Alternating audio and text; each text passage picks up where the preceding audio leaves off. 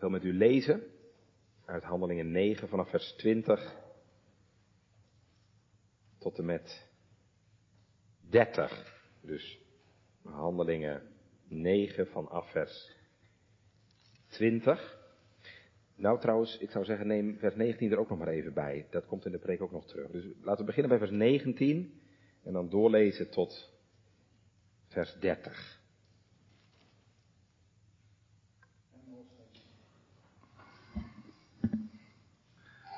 En als hij spijzen genomen had, werd hij versterkt.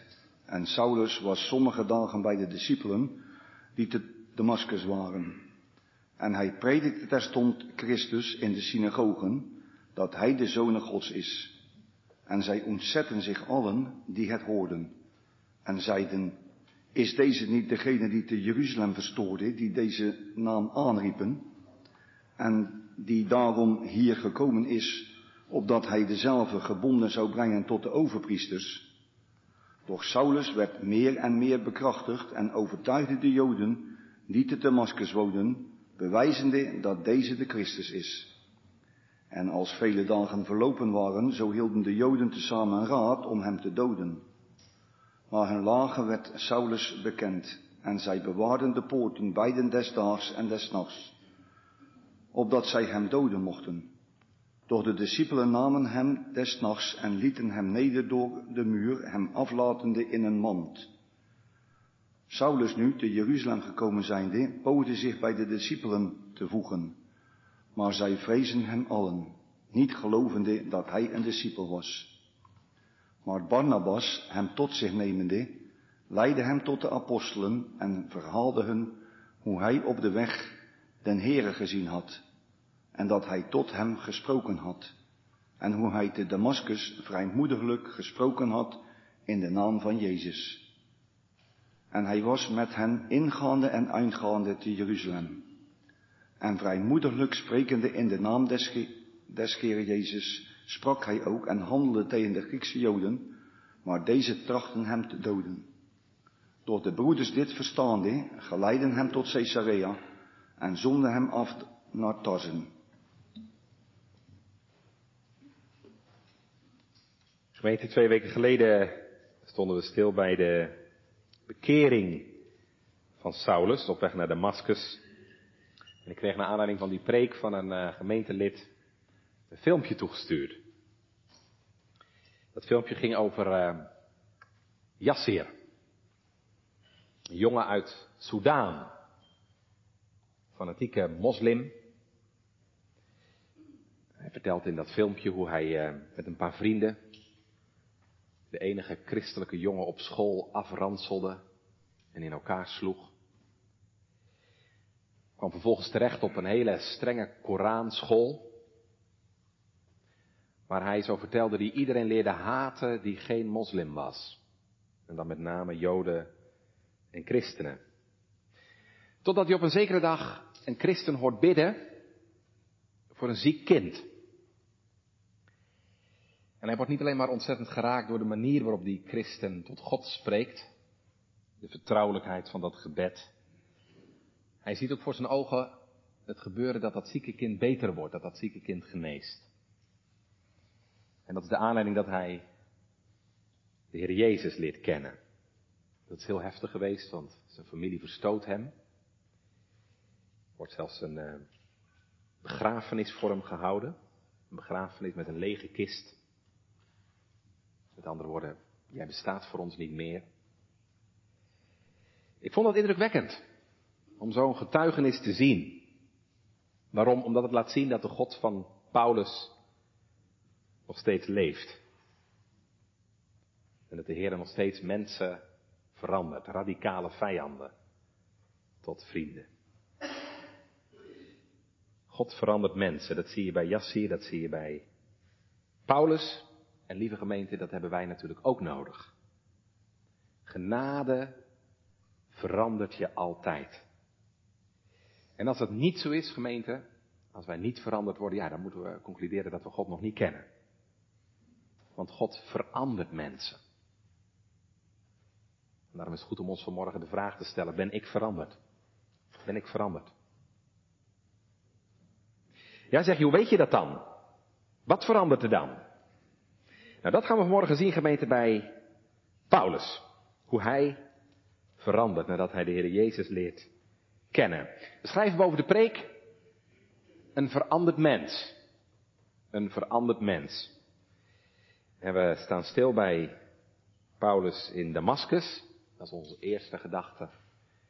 En vervolgens Paulus in Jeruzalem. Een veranderd mens. Paulus in Damascus. Paulus in Jeruzalem. Gemeente, jaren geleden had de evangelische omroep een programma met de naam God verandert mensen. ben ik verzorgd door Fijker te Velde. Ik denk nog wel eens, hadden ze nog maar zulke programma's bij de EO, maar goed, dat is wat anders. God verandert mensen. En dat is ook zo. Want gemeente, zonder verandering kunnen wij het koninkrijk van God niet ingaan. Zonder verandering kennen wij God niet. John Stott heeft eens gezegd, als je bekeerd wordt, veranderen er altijd drie dingen. Let u op, als je bekeerd wordt, veranderen er altijd drie dingen. Hij zegt je relatie tot God verandert. Want je gaat Hem lief hebben en dienen. Hij zegt je relatie tot het volk van God verandert. Want je krijgt hen lief en je wilt je bij hen voegen. En tenslotte je relatie tot de wereld, tot je omgeving verandert. Hè? Want je gaat ervoor uitkomen dat je bij Christus hoort. Nou, als je die drie dingen even op je in laat werken. En je kijkt naar het leven van Paulus gemeente, dan zie je vanmorgen dat dat helemaal klopt. Ziet u het? Je relatie tot God verandert. Je relatie tot het volk van God verandert. En ook zijn relatie tot de wereld. Hè? Want Paulus gaat ervoor uitkomen dat hij bij Christus hoort. Hij gaat getuigen van zijn naam. Zijn hele leven is veranderd. En daar wil ik graag vanmorgen met u bij stilstaan. Vorige week hebben we stilgestaan hè, bij de ontmoeting tussen Paulus en Ananias. De Heer Jezus gaf Ananias de opdracht om naar Saulus toe te gaan in de rechte straat. En die ontmoeting, zagen we vorige week, heeft grote gevolgen gehad. want Paulus ja, werd weer beter, hij werd genezen, de schellen vielen van zijn ogen. Hij kon weer zien. En hij werd vervuld met de Heilige Geest. En gedoopt. Maar daar blijft het niet bij. Want we lezen in vers 19. Kijk even mee. En Saulus was sommige dagen bij de discipelen die te Damascus waren. Dus Paulus zoekt contact met de christenen die in Damascus zijn. Dat is natuurlijk heel bijzonder, gemeente. Dat was natuurlijk voor hen heel bijzonder, want hè, u weet, Saulus was eerst op pad gegaan om hen te vervolgen. En dat was voor hem heel bijzonder, want hij had hen willen vervolgen en misschien wel doden. Wat een liefde van deze mensen dat hij bij hen welkom was. Hè, dat ze hem wilden opnemen. Maar het was ook liefde gemeente van Saulus. Dat hij zich bij hen wilde aansluiten. Paulus had natuurlijk ook kunnen denken, nou ja, dit is zo lastig, dit is zo moeilijk, dit is zo ongemakkelijk. Uh, laat ik me daar maar niet aan wagen. Ik, ik probeer wel op mezelf te blijven. Ik probeer wel op mijn eentje christen te zijn. Nou, niet dus. Gemeente, was bij Paulus net als bij Rut. Niet alleen maar, uw God is mijn God. Maar hij kon ook zeggen, uw volk is mijn volk. Matthew Henry zegt heel mooi, zij die God aannemen tot hun God, nemen ook zijn volk aan tot hun volk. Dus met andere woorden, je krijgt niet alleen maar liefde tot de Here, maar je krijgt ook liefde tot zijn volk, tot zijn gemeente, tot zijn kerk. Kijk, je hebt mensen die zeggen, nou ja, ik geloof wel, maar daar heb ik de, heb ik de kerk eigenlijk niet voor nodig. Nou, gemeente, dan zeg ik vanmorgen, daar weet het Nieuwe Testament, daar weet de Bijbel niks van. De Bijbel leert geen kerkloos christendom. Het is heel eenvoudig, wie de Heer lief heeft, krijgt ook zijn gemeente lief. En andersom natuurlijk ook, als er weinig liefde voor de Heer is, is er meestal ook weinig liefde voor de gemeente.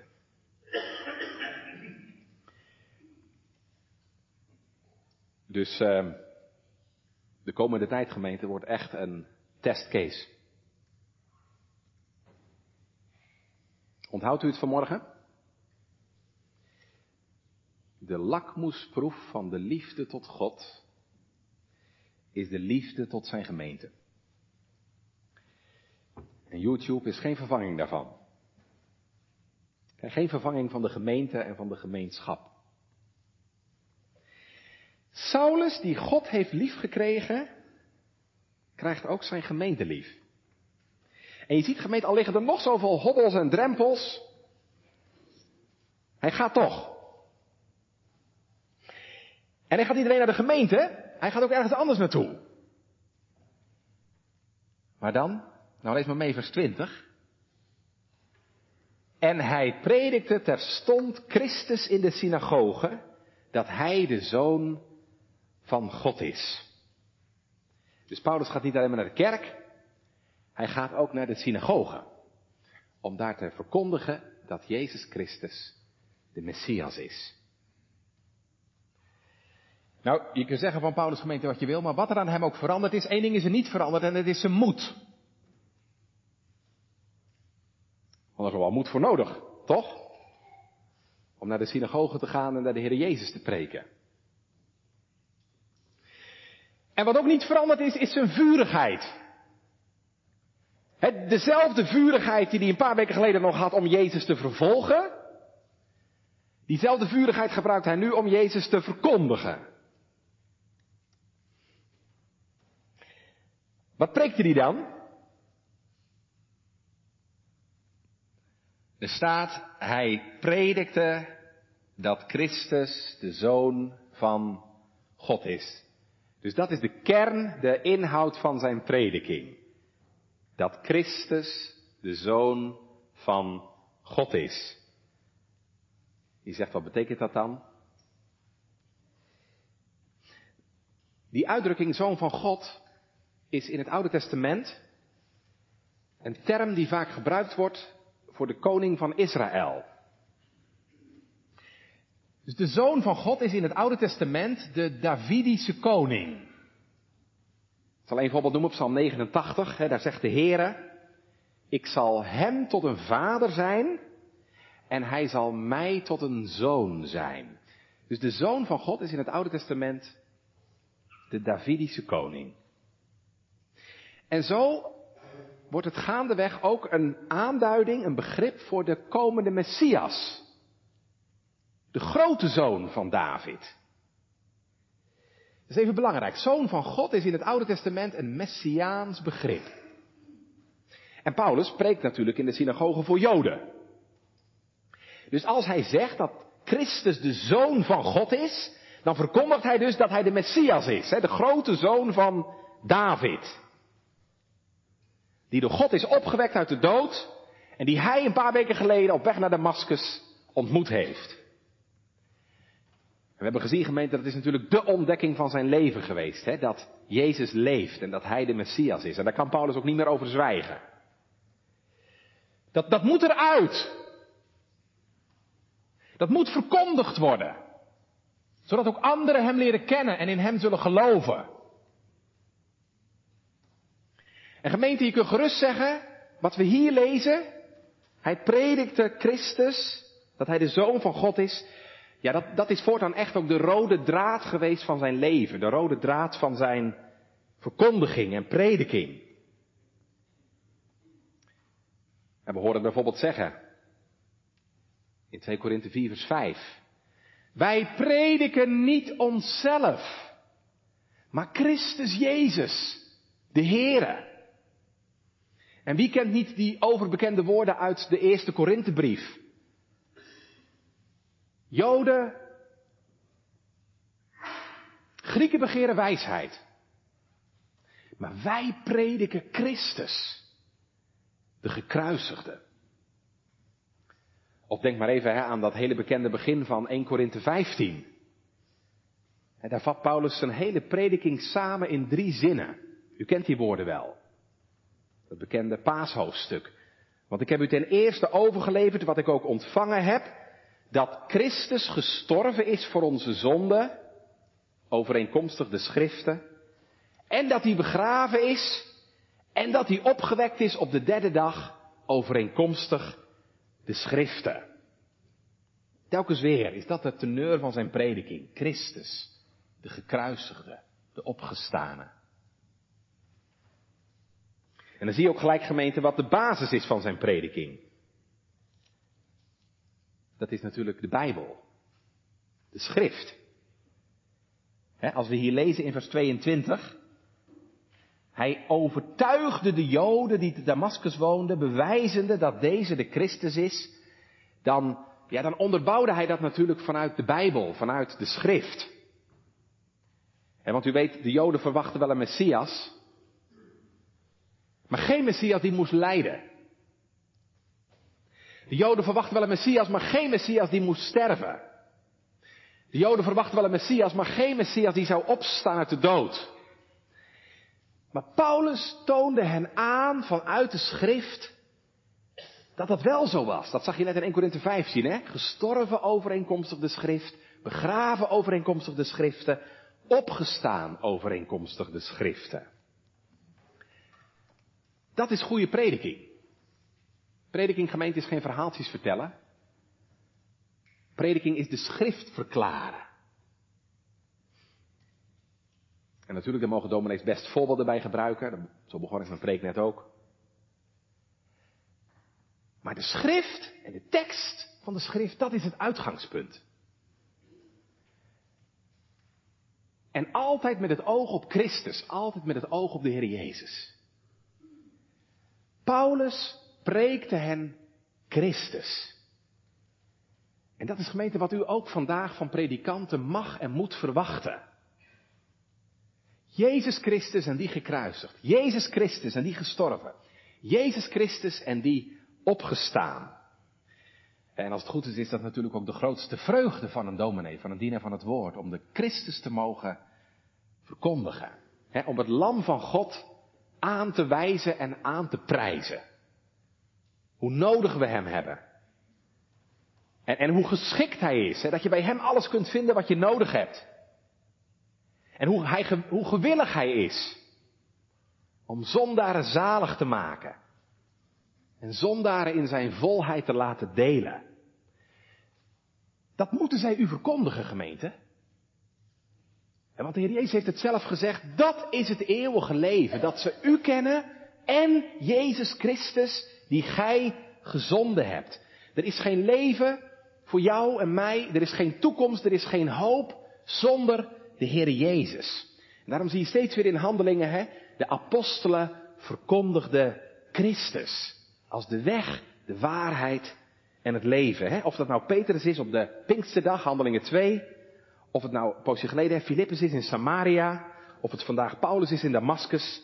Zij hameren allemaal op hetzelfde aanbeeld.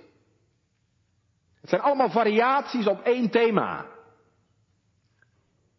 Jezus. Jezus. En daar word je nooit moe van. Daar worden dominees als het goed is nooit moe van om dat te preken. Want dat is de vreugde van hun hart. Voor zondaren niet. Want dat is wat ze nodig hebben. En Gods kinderen al helemaal niet. Want die kunnen daar nooit genoeg van krijgen dat de Heer Jezus hun verkondigd wordt. Dus ik vat het even samen, gemeente. Christus was de inhoud van zijn prediking. De schrift, de basis ervan.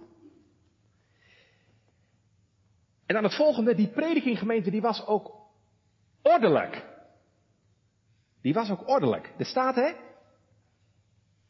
Um, in vers 22. Hij bewees, hij toonde aan, zegt de statenvertaling. Hij bewees, hij toonde aan dat deze de Christus is. En dat woordje bewijzen, aantonen, daar zit iets in van, dat gebeurde ordelijk. Gestructureerd. Het woord betekent letterlijk in de grondtaal eh, dat je verschillende delen bij elkaar voegt, tot één geheel maakt. Dus daar was over nagedacht. Er zat structuur in die preek van Paulus. Dat kon je volgen. als, als je Paulus brieven leest, of nou de Korinthebrief is, of Efeze of Romeinen, dan merk je gelijk dat dit is een hele systematische denker. En je hebt soms van die preken, ik maak me er ook wel eens schuldig aan, die zijn rommelig. Dan gaat het van de hak op de tak. Als je misschien meeschrijft, dan merk je dat het lastig is om de structuur in te vinden. Dat luistert niet fijn natuurlijk, hè? Nou, dat zou je bij Paulus nooit hebben, gemeente. Er zat lijn in. Structuur. Goede prediking, daar moet lijn in zitten. Structuur. Daar help je jezelf mee als dominee. En daar help je vaak ook je hoorders mee. Ordelijke preek. En toch, hoe belangrijk dat ook is, gemeente, toch is dat nog niet het belangrijkste. Want het belangrijkste dat, wat we lezen over deze prediking, dat vindt u in vers 22. Daar staat, doch Saulus werd meer en meer bekrachtigd. En dat is het allerbelangrijkste. Hij werd meer en meer bekrachtigd. Door wie? Ja, door de Heilige Geest natuurlijk. En dat is denk ik wel het allerbelangrijkste als het gaat over prediking. Goede prediking, dat is boven alles prediking in de kracht van de Heilige Geest. Dat is wat dienaren van het woord het meest nodig hebben, de Heilige Geest. Ja, want je kunt de mooiste preek hebben, en, en de beste structuur. Maar gemeente, als de geest van God er niet in meekomt, ja, dan doet zo'n preek eigenlijk niks. En dan kun je soms een preek hebben, gemeente, waar misschien, ja, die best wel rammelt, die niet zo gestructureerd is, waar exegetisch van alles op aan is te merken. En, en dat het toch een preek is vol kracht. Omdat die woorden gevuld zijn met de kracht van de Heilige Geest. Dus niet alleen maar logisch en ordelijk en helder, maar ook vol vuur. Het vuur van de Heilige Geest. Ik had vanmorgen voor mezelf even in Handelingen 19 te lezen. Dat gaat over een andere prediker, Apollos. En daar lees hij was vurig van geest. Nou, goede prediking is ook vurig van geest. Van de Heilige Geest. Wat was nou het diepste geheim van Paulus' prediking? Nou, dit. Hij werd meer en meer bekrachtigd. De Heilige Geest. Predikersgemeenten die door de Heer gezegend worden, dat zijn altijd mannen vervuld met de Heilige Geest. Dat zijn mannen die weten zich diep afhankelijk van de Heilige Geest. Want die weten, ja, er is niks wat harde harten van zondaren zacht kan maken dan de Heilige Geest. Er is niks dat gesloten ogen kan openen dan alleen de Heilige Geest. En niet door kracht, niet door geweld, maar door mijn geest zal het geschieden. Paulus schrijft later aan de Thessalonicense, want ons evangelie kwam niet alleen maar bij jullie met woorden, maar ook met kracht en met de Heilige Geest. En met volle zekerheid. Heb je dat wel eens meegemaakt? Heb je wel eens meegemaakt, gemeente, dat je merkt, het is niet een dominee alleen maar die spreekt, maar het is de Heere die spreekt. Ja, dan doet het woord kracht. Ze zeiden vroeger wel eens, dan legt het woord beslag op je hart. Dan legt het woord beslag op je hart. dan voel je iets van de ernst van de eeuwigheid die komt. Dan voel je iets van de walgelijkheid van je zonde. Dan voel je iets van de grootheid van God. Dan voel je iets van de onbeschrijfelijke liefde van de Heer Jezus Christus. Dat hebben we het meest nodig. Dan wil je daar alsjeblieft om bidden, gemeente. Waarom zijn preken vandaag, en ik reken mezelf daar helemaal bij, waarom zijn preken vandaag vaak zo krachteloos? Waarom doen ze zo weinig? Waarom werken ze zo weinig uit? Ik vrees gemeente omdat er weinig van de kracht van de Heilige Geest in is. En waarom hadden mensen als Robert Murray McChain en, en, en Dominic Spurgeon zoveel vrucht op hun prediking? Weet je waarom? Twee dingen. Omdat ze zelf vurig baden om de Heilige Geest. En omdat ze ook gemeentes hadden die daar vurig om baden.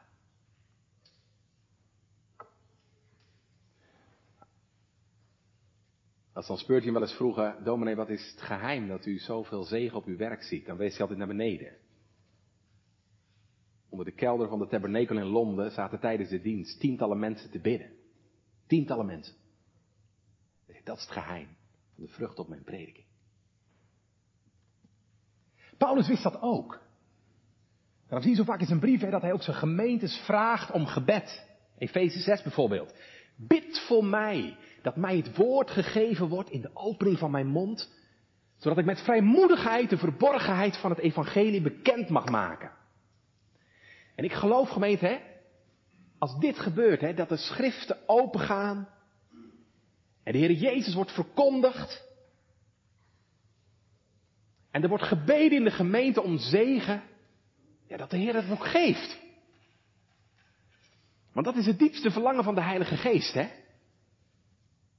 Dat Christus wordt verkondigd en dat Christus wordt verheerlijkt. Hij zal mij verheerlijken, heeft Jezus gezegd. En waar Christus wordt verkondigd, naar de schriften en in afhankelijkheid van de Heilige Geest, daar wil de Heilige Geest komen en werken. Ook in 2021. Dus, wat zijn goede predikers? Die zijn heel afhankelijk van de Heer. Die zijn moedig en vrijmoedig. En wat is goede prediking? Goede prediking, hebben we gezien, die is christocentrisch. De Heer Jezus staat centraal. Die is na de schriften en in de kracht van de Heilige Geest. Laten we daar vurig om bidden.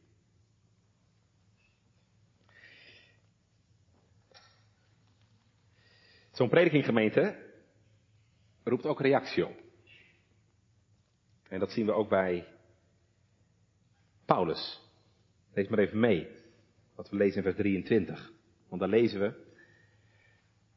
En als veel dagen verlopen waren, zo hielden de Joden samen raad om Paulus te doden. Dat gebeurt, staat er na vele dagen. Nou geeft Lucas ons niet zoveel informatie over de chronologie. Maar dat heeft Paulus zelf op een andere plaats wel gedaan, hoe dat precies gegaan is. En dat ga ik er even bij pakken. Hij heeft daar namelijk in de Galatenbrief ons het een en ander meer over verteld.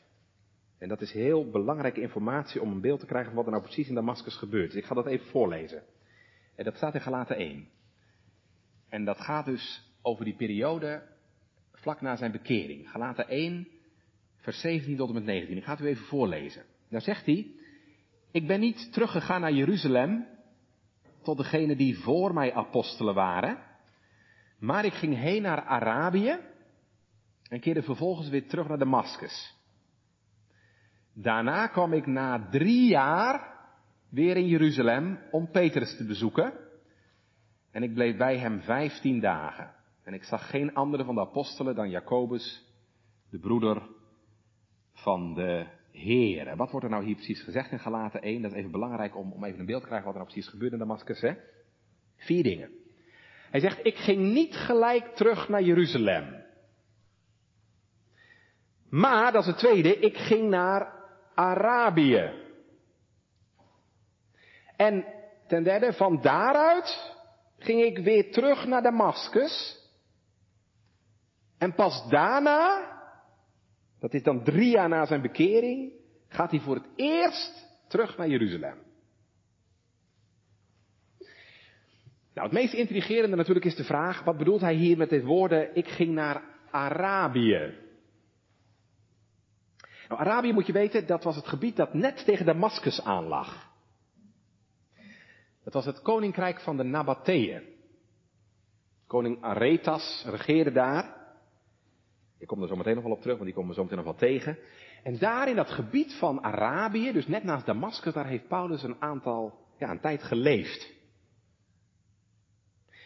En hij zegt, dan ga, ga ik weer terug naar Damascus. En dan komen we dus uit bij wat we hier in vers 23 lezen in Handelingen 9. En als vele dagen verlopen waren. Nou, dat klopt. Dat is dus die drie jaar waar ik het net over had. Paulus gaat dan vanuit Arabië weer terug naar Damascus. En dan moet je even de tekst verder lezen. Zo hielden de Joden tezamen raad om hem te doden. De Joden beramen een samenzwering om Paulus te doden. Nou, ook daar heeft hij over geschreven. En wel in 2 Korinthe 11. Ik ga dat er ook even bij pakken. In 2 Korinthe 11, vers 32 schrijft hij daar ook iets over. Wat schrijft hij daar dan over? Nou, luister maar. De stadhouder van de koning Aretas in Damascus bezette de stad van de Damaskenen willende mij vangen. Dus de Joden hebben blijkbaar Paulus aangegeven bij de stadhouder, de stadhouder van koning Aretas, de man die op dat moment Damascus bestuurde.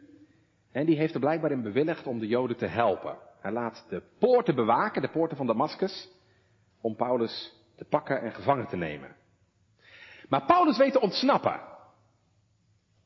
En dat gebeurde gemeente op een nogal spectaculaire manier. Hij ontsnapt via een mand langs de stadsmuur. Ook daar schrijft hij iets over in 2 Korinthe 11, ik zal het even voorlezen. En ik werd door een venster in een mand over de muur neergelaten en zo ontvluchtte ik hun handen. Dat klopt met wat je leest in vers 25. Hè? Doch de discipelen namen hem s'nachts en lieten hem neer door de muur, hem aflatende in een mand. Hij wordt als een prooidier vervolgd maar de vogel is gevlogen. Zie je gemeente hoe in Paulus' leven het lijden eigenlijk al gelijk begint? Had de Heer Jezus gezegd, hè? Ik zal hem tonen hoeveel hij lijden moet om mijn naam. Nou, dat begint hier al in Damascus. En dat is niet het einde, want als hij dan vervolgens naar Jeruzalem gaat, wacht hem opnieuw lijden. En nou niet zozeer fysiek lijden en vervolging, dat ook. Maar weet je, misschien nog wel veel moeilijker, in Jeruzalem wacht hem ook psychisch lijden. Psychisch lijden. Want wat gebeurt er in Jeruzalem? We hebben het gelezen. Dominee Voets heeft er pas over gepreekt, dus ik hoef daar vanmorgen niet uitvoerig bij stil te staan. Maar eh, Paulus wordt niet geaccepteerd. Natuurlijk niet meer door de Joden. Maar wat veel erger is, hij wordt ook niet geaccepteerd door de christenen. Zijn nieuwe broeders, zijn nieuwe geloofsgenoten. Hij wordt verstoten door de Joden en afgewezen door de christenen. Hij lijkt Jezus wel. Zie je dat? Gekomen tot de zijnen. Maar de zijnen hebben hem niet aangenomen. Dat spoor moet Paulus nu ook bewandelen. En het staat er hier niet bij, gemeente, maar wat zal dat pijnlijk voor me geweest zijn, denk je niet? Wat doet dat pijn? Het gevoel dat je nergens bij hoort. Dan voel je je verlaten en vervreemd. Als Paulus in Jeruzalem de diensten bezoekt, gemeente, is er niemand die hem groet. Is er niemand die naast hem gaat zitten. Het enige wat hij krijgt zijn stilste blikken. Hangt zo'n hele ongemakkelijke sfeer als, als Paulus de kerk binnenkomt. Want er staat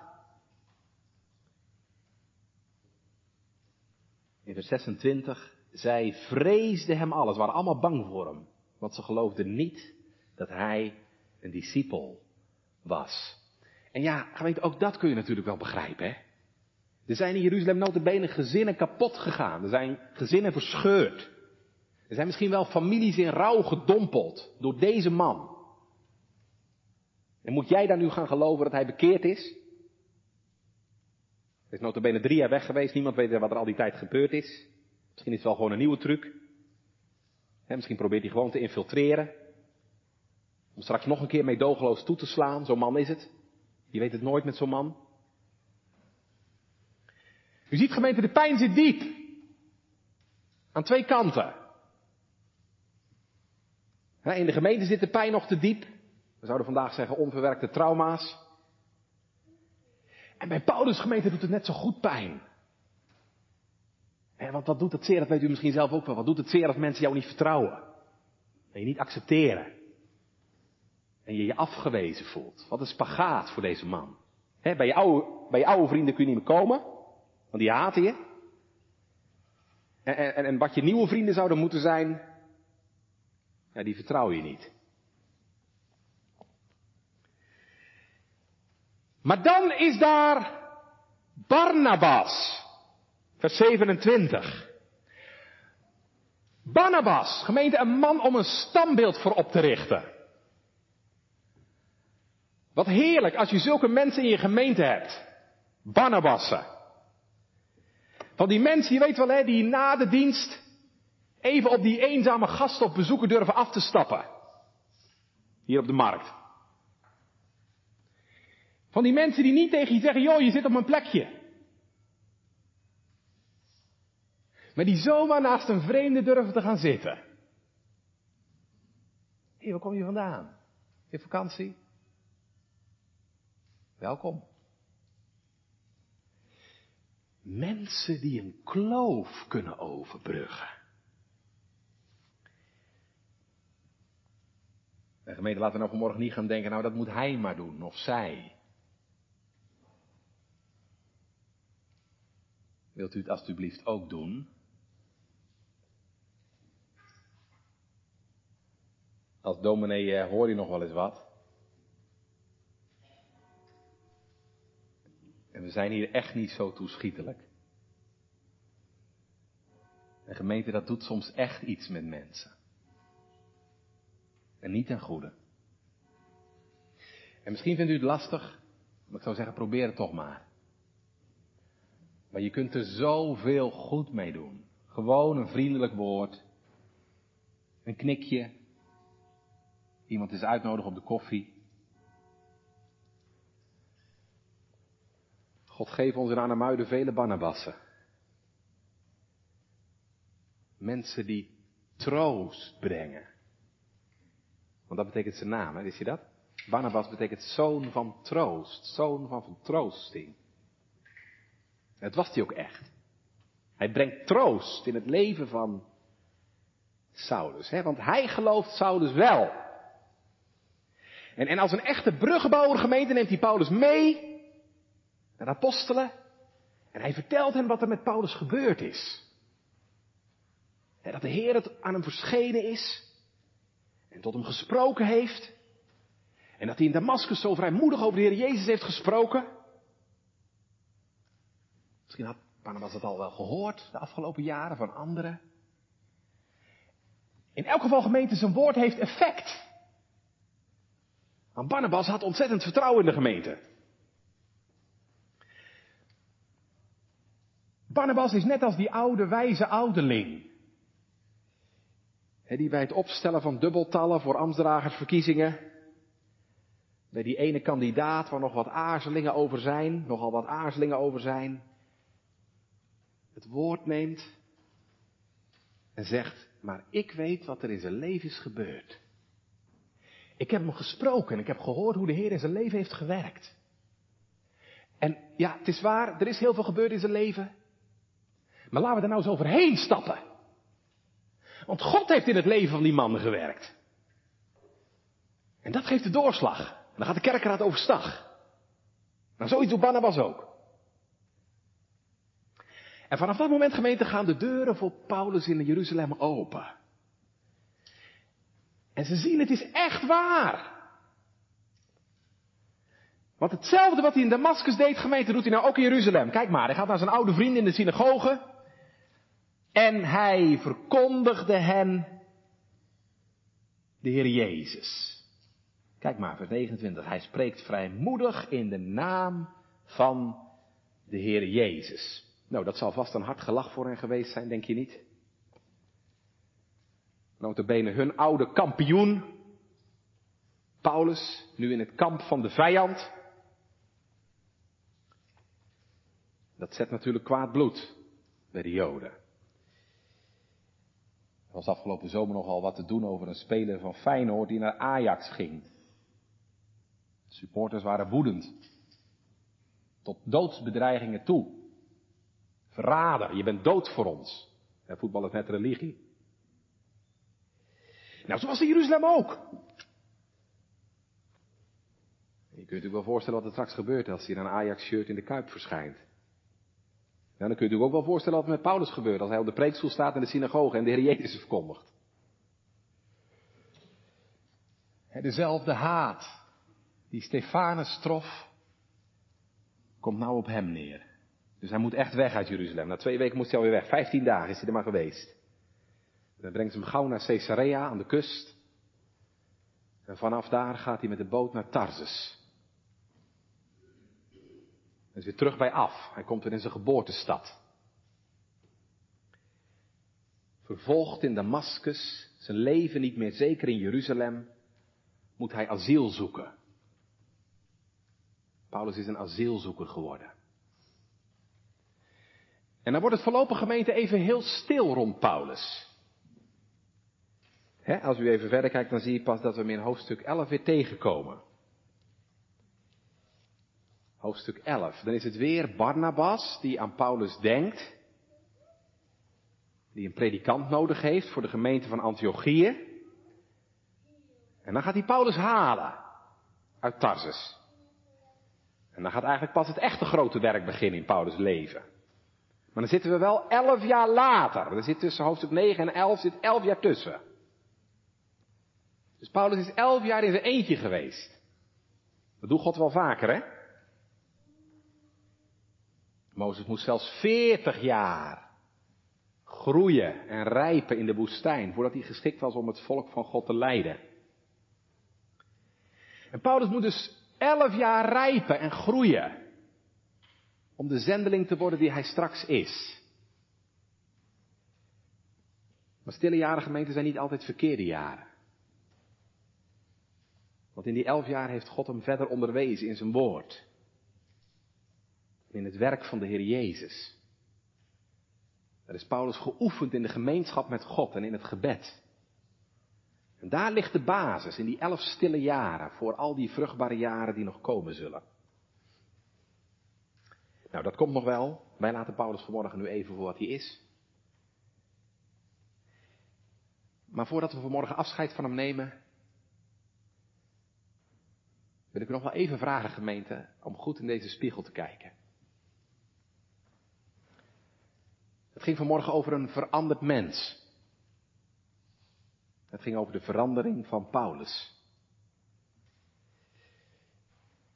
Heb je gezien wat er gebeurt als God je verandert? Heb je het gezien? Ik zei aan het begin van mijn preek, hè, dan veranderen er drie dingen. Dan verandert je relatie tot God. Dan verandert je relatie tot het volk van God. En dan verandert je relatie tot de wereld, tot je omgeving. Nou, dat zie je bij Paulus, hè? Je krijgt de Heer lief, je krijgt zijn gemeente lief. En je gaat ervoor uitkomen dat je bij de Heer Jezus hoort. He, al bracht het zoveel lijden met hem mee. Paulus kon niet meer zwijgen van de naam van de Heer Jezus. gemeente, ik ben er diep van overtuigd, zo is het nog. Als God je verandert, dan komt er liefde voor de Heer, dan komt er liefde voor zijn volk. En dat gaan andere mensen om je heen merken. Want dan kun je er niet meer van zwijgen. Al brengt dat misschien lijden en moeite met zich mee, dan laat je daar niet meer door weerhouden.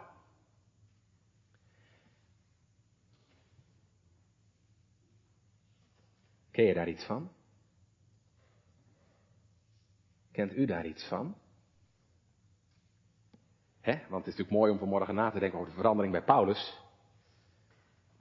Maar minstens zo belangrijk is natuurlijk vanmorgen de vraag, ben jij veranderd? En u? En ik?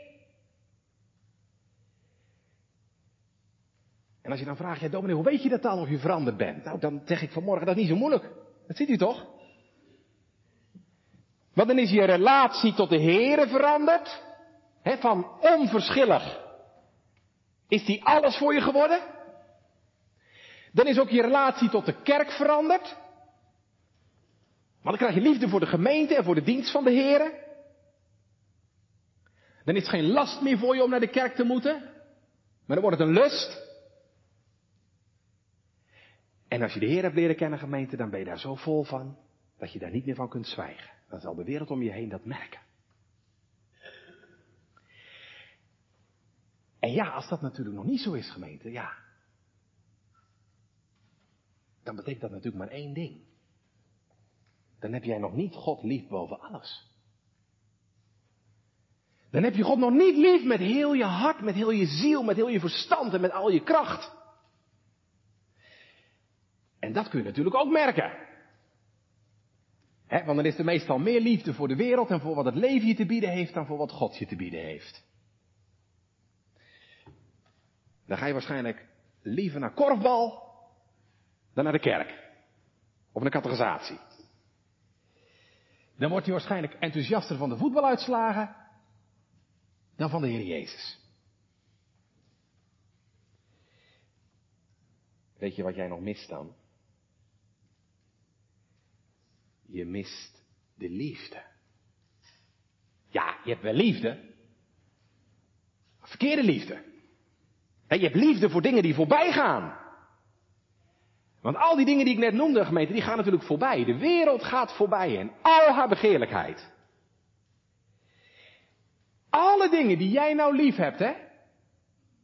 Al die dingen die nou jouw liefde hebben. Daar geldt altijd twee dingen voor. Of ze laten jou los, vroeg of laat. Of jij moet hen loslaten. Ja, hoe kan dat nou veranderen? Ja, dat kan ik niet. In elk geval. He, want ik kan honderd keer tegen mensen zeggen, pas op, doe dat nou niet. De wereld gaat voorbij, joh. Wat baat het je zo je de hele wereld wint en je leidt schade aan je ziel? Ik heb het u al zo vaak gezegd en anderen hebben het u ook gezegd. En toch zullen al die waarschuwingen u niet veranderen. Nee, gemeente, ons hart moet veranderen. En er is er maar één die dat kan. Er is er maar één die jouw liefde kan veranderen. Nou, die mag ik vanmorgen verkondigen. God, de Heer. Die zo genadig en groot is dat hij zelfs Paulus hart veranderde. Zou die jouw hart niet kunnen veranderen? Natuurlijk kan die dat. Er staat in de Bijbel, een moorman kan zijn huid niet veranderen. Een luipaard kan zijn vlekken niet veranderen. Maar God wel ons hart, gemeente. Door zijn liefde in je hart uit te storten,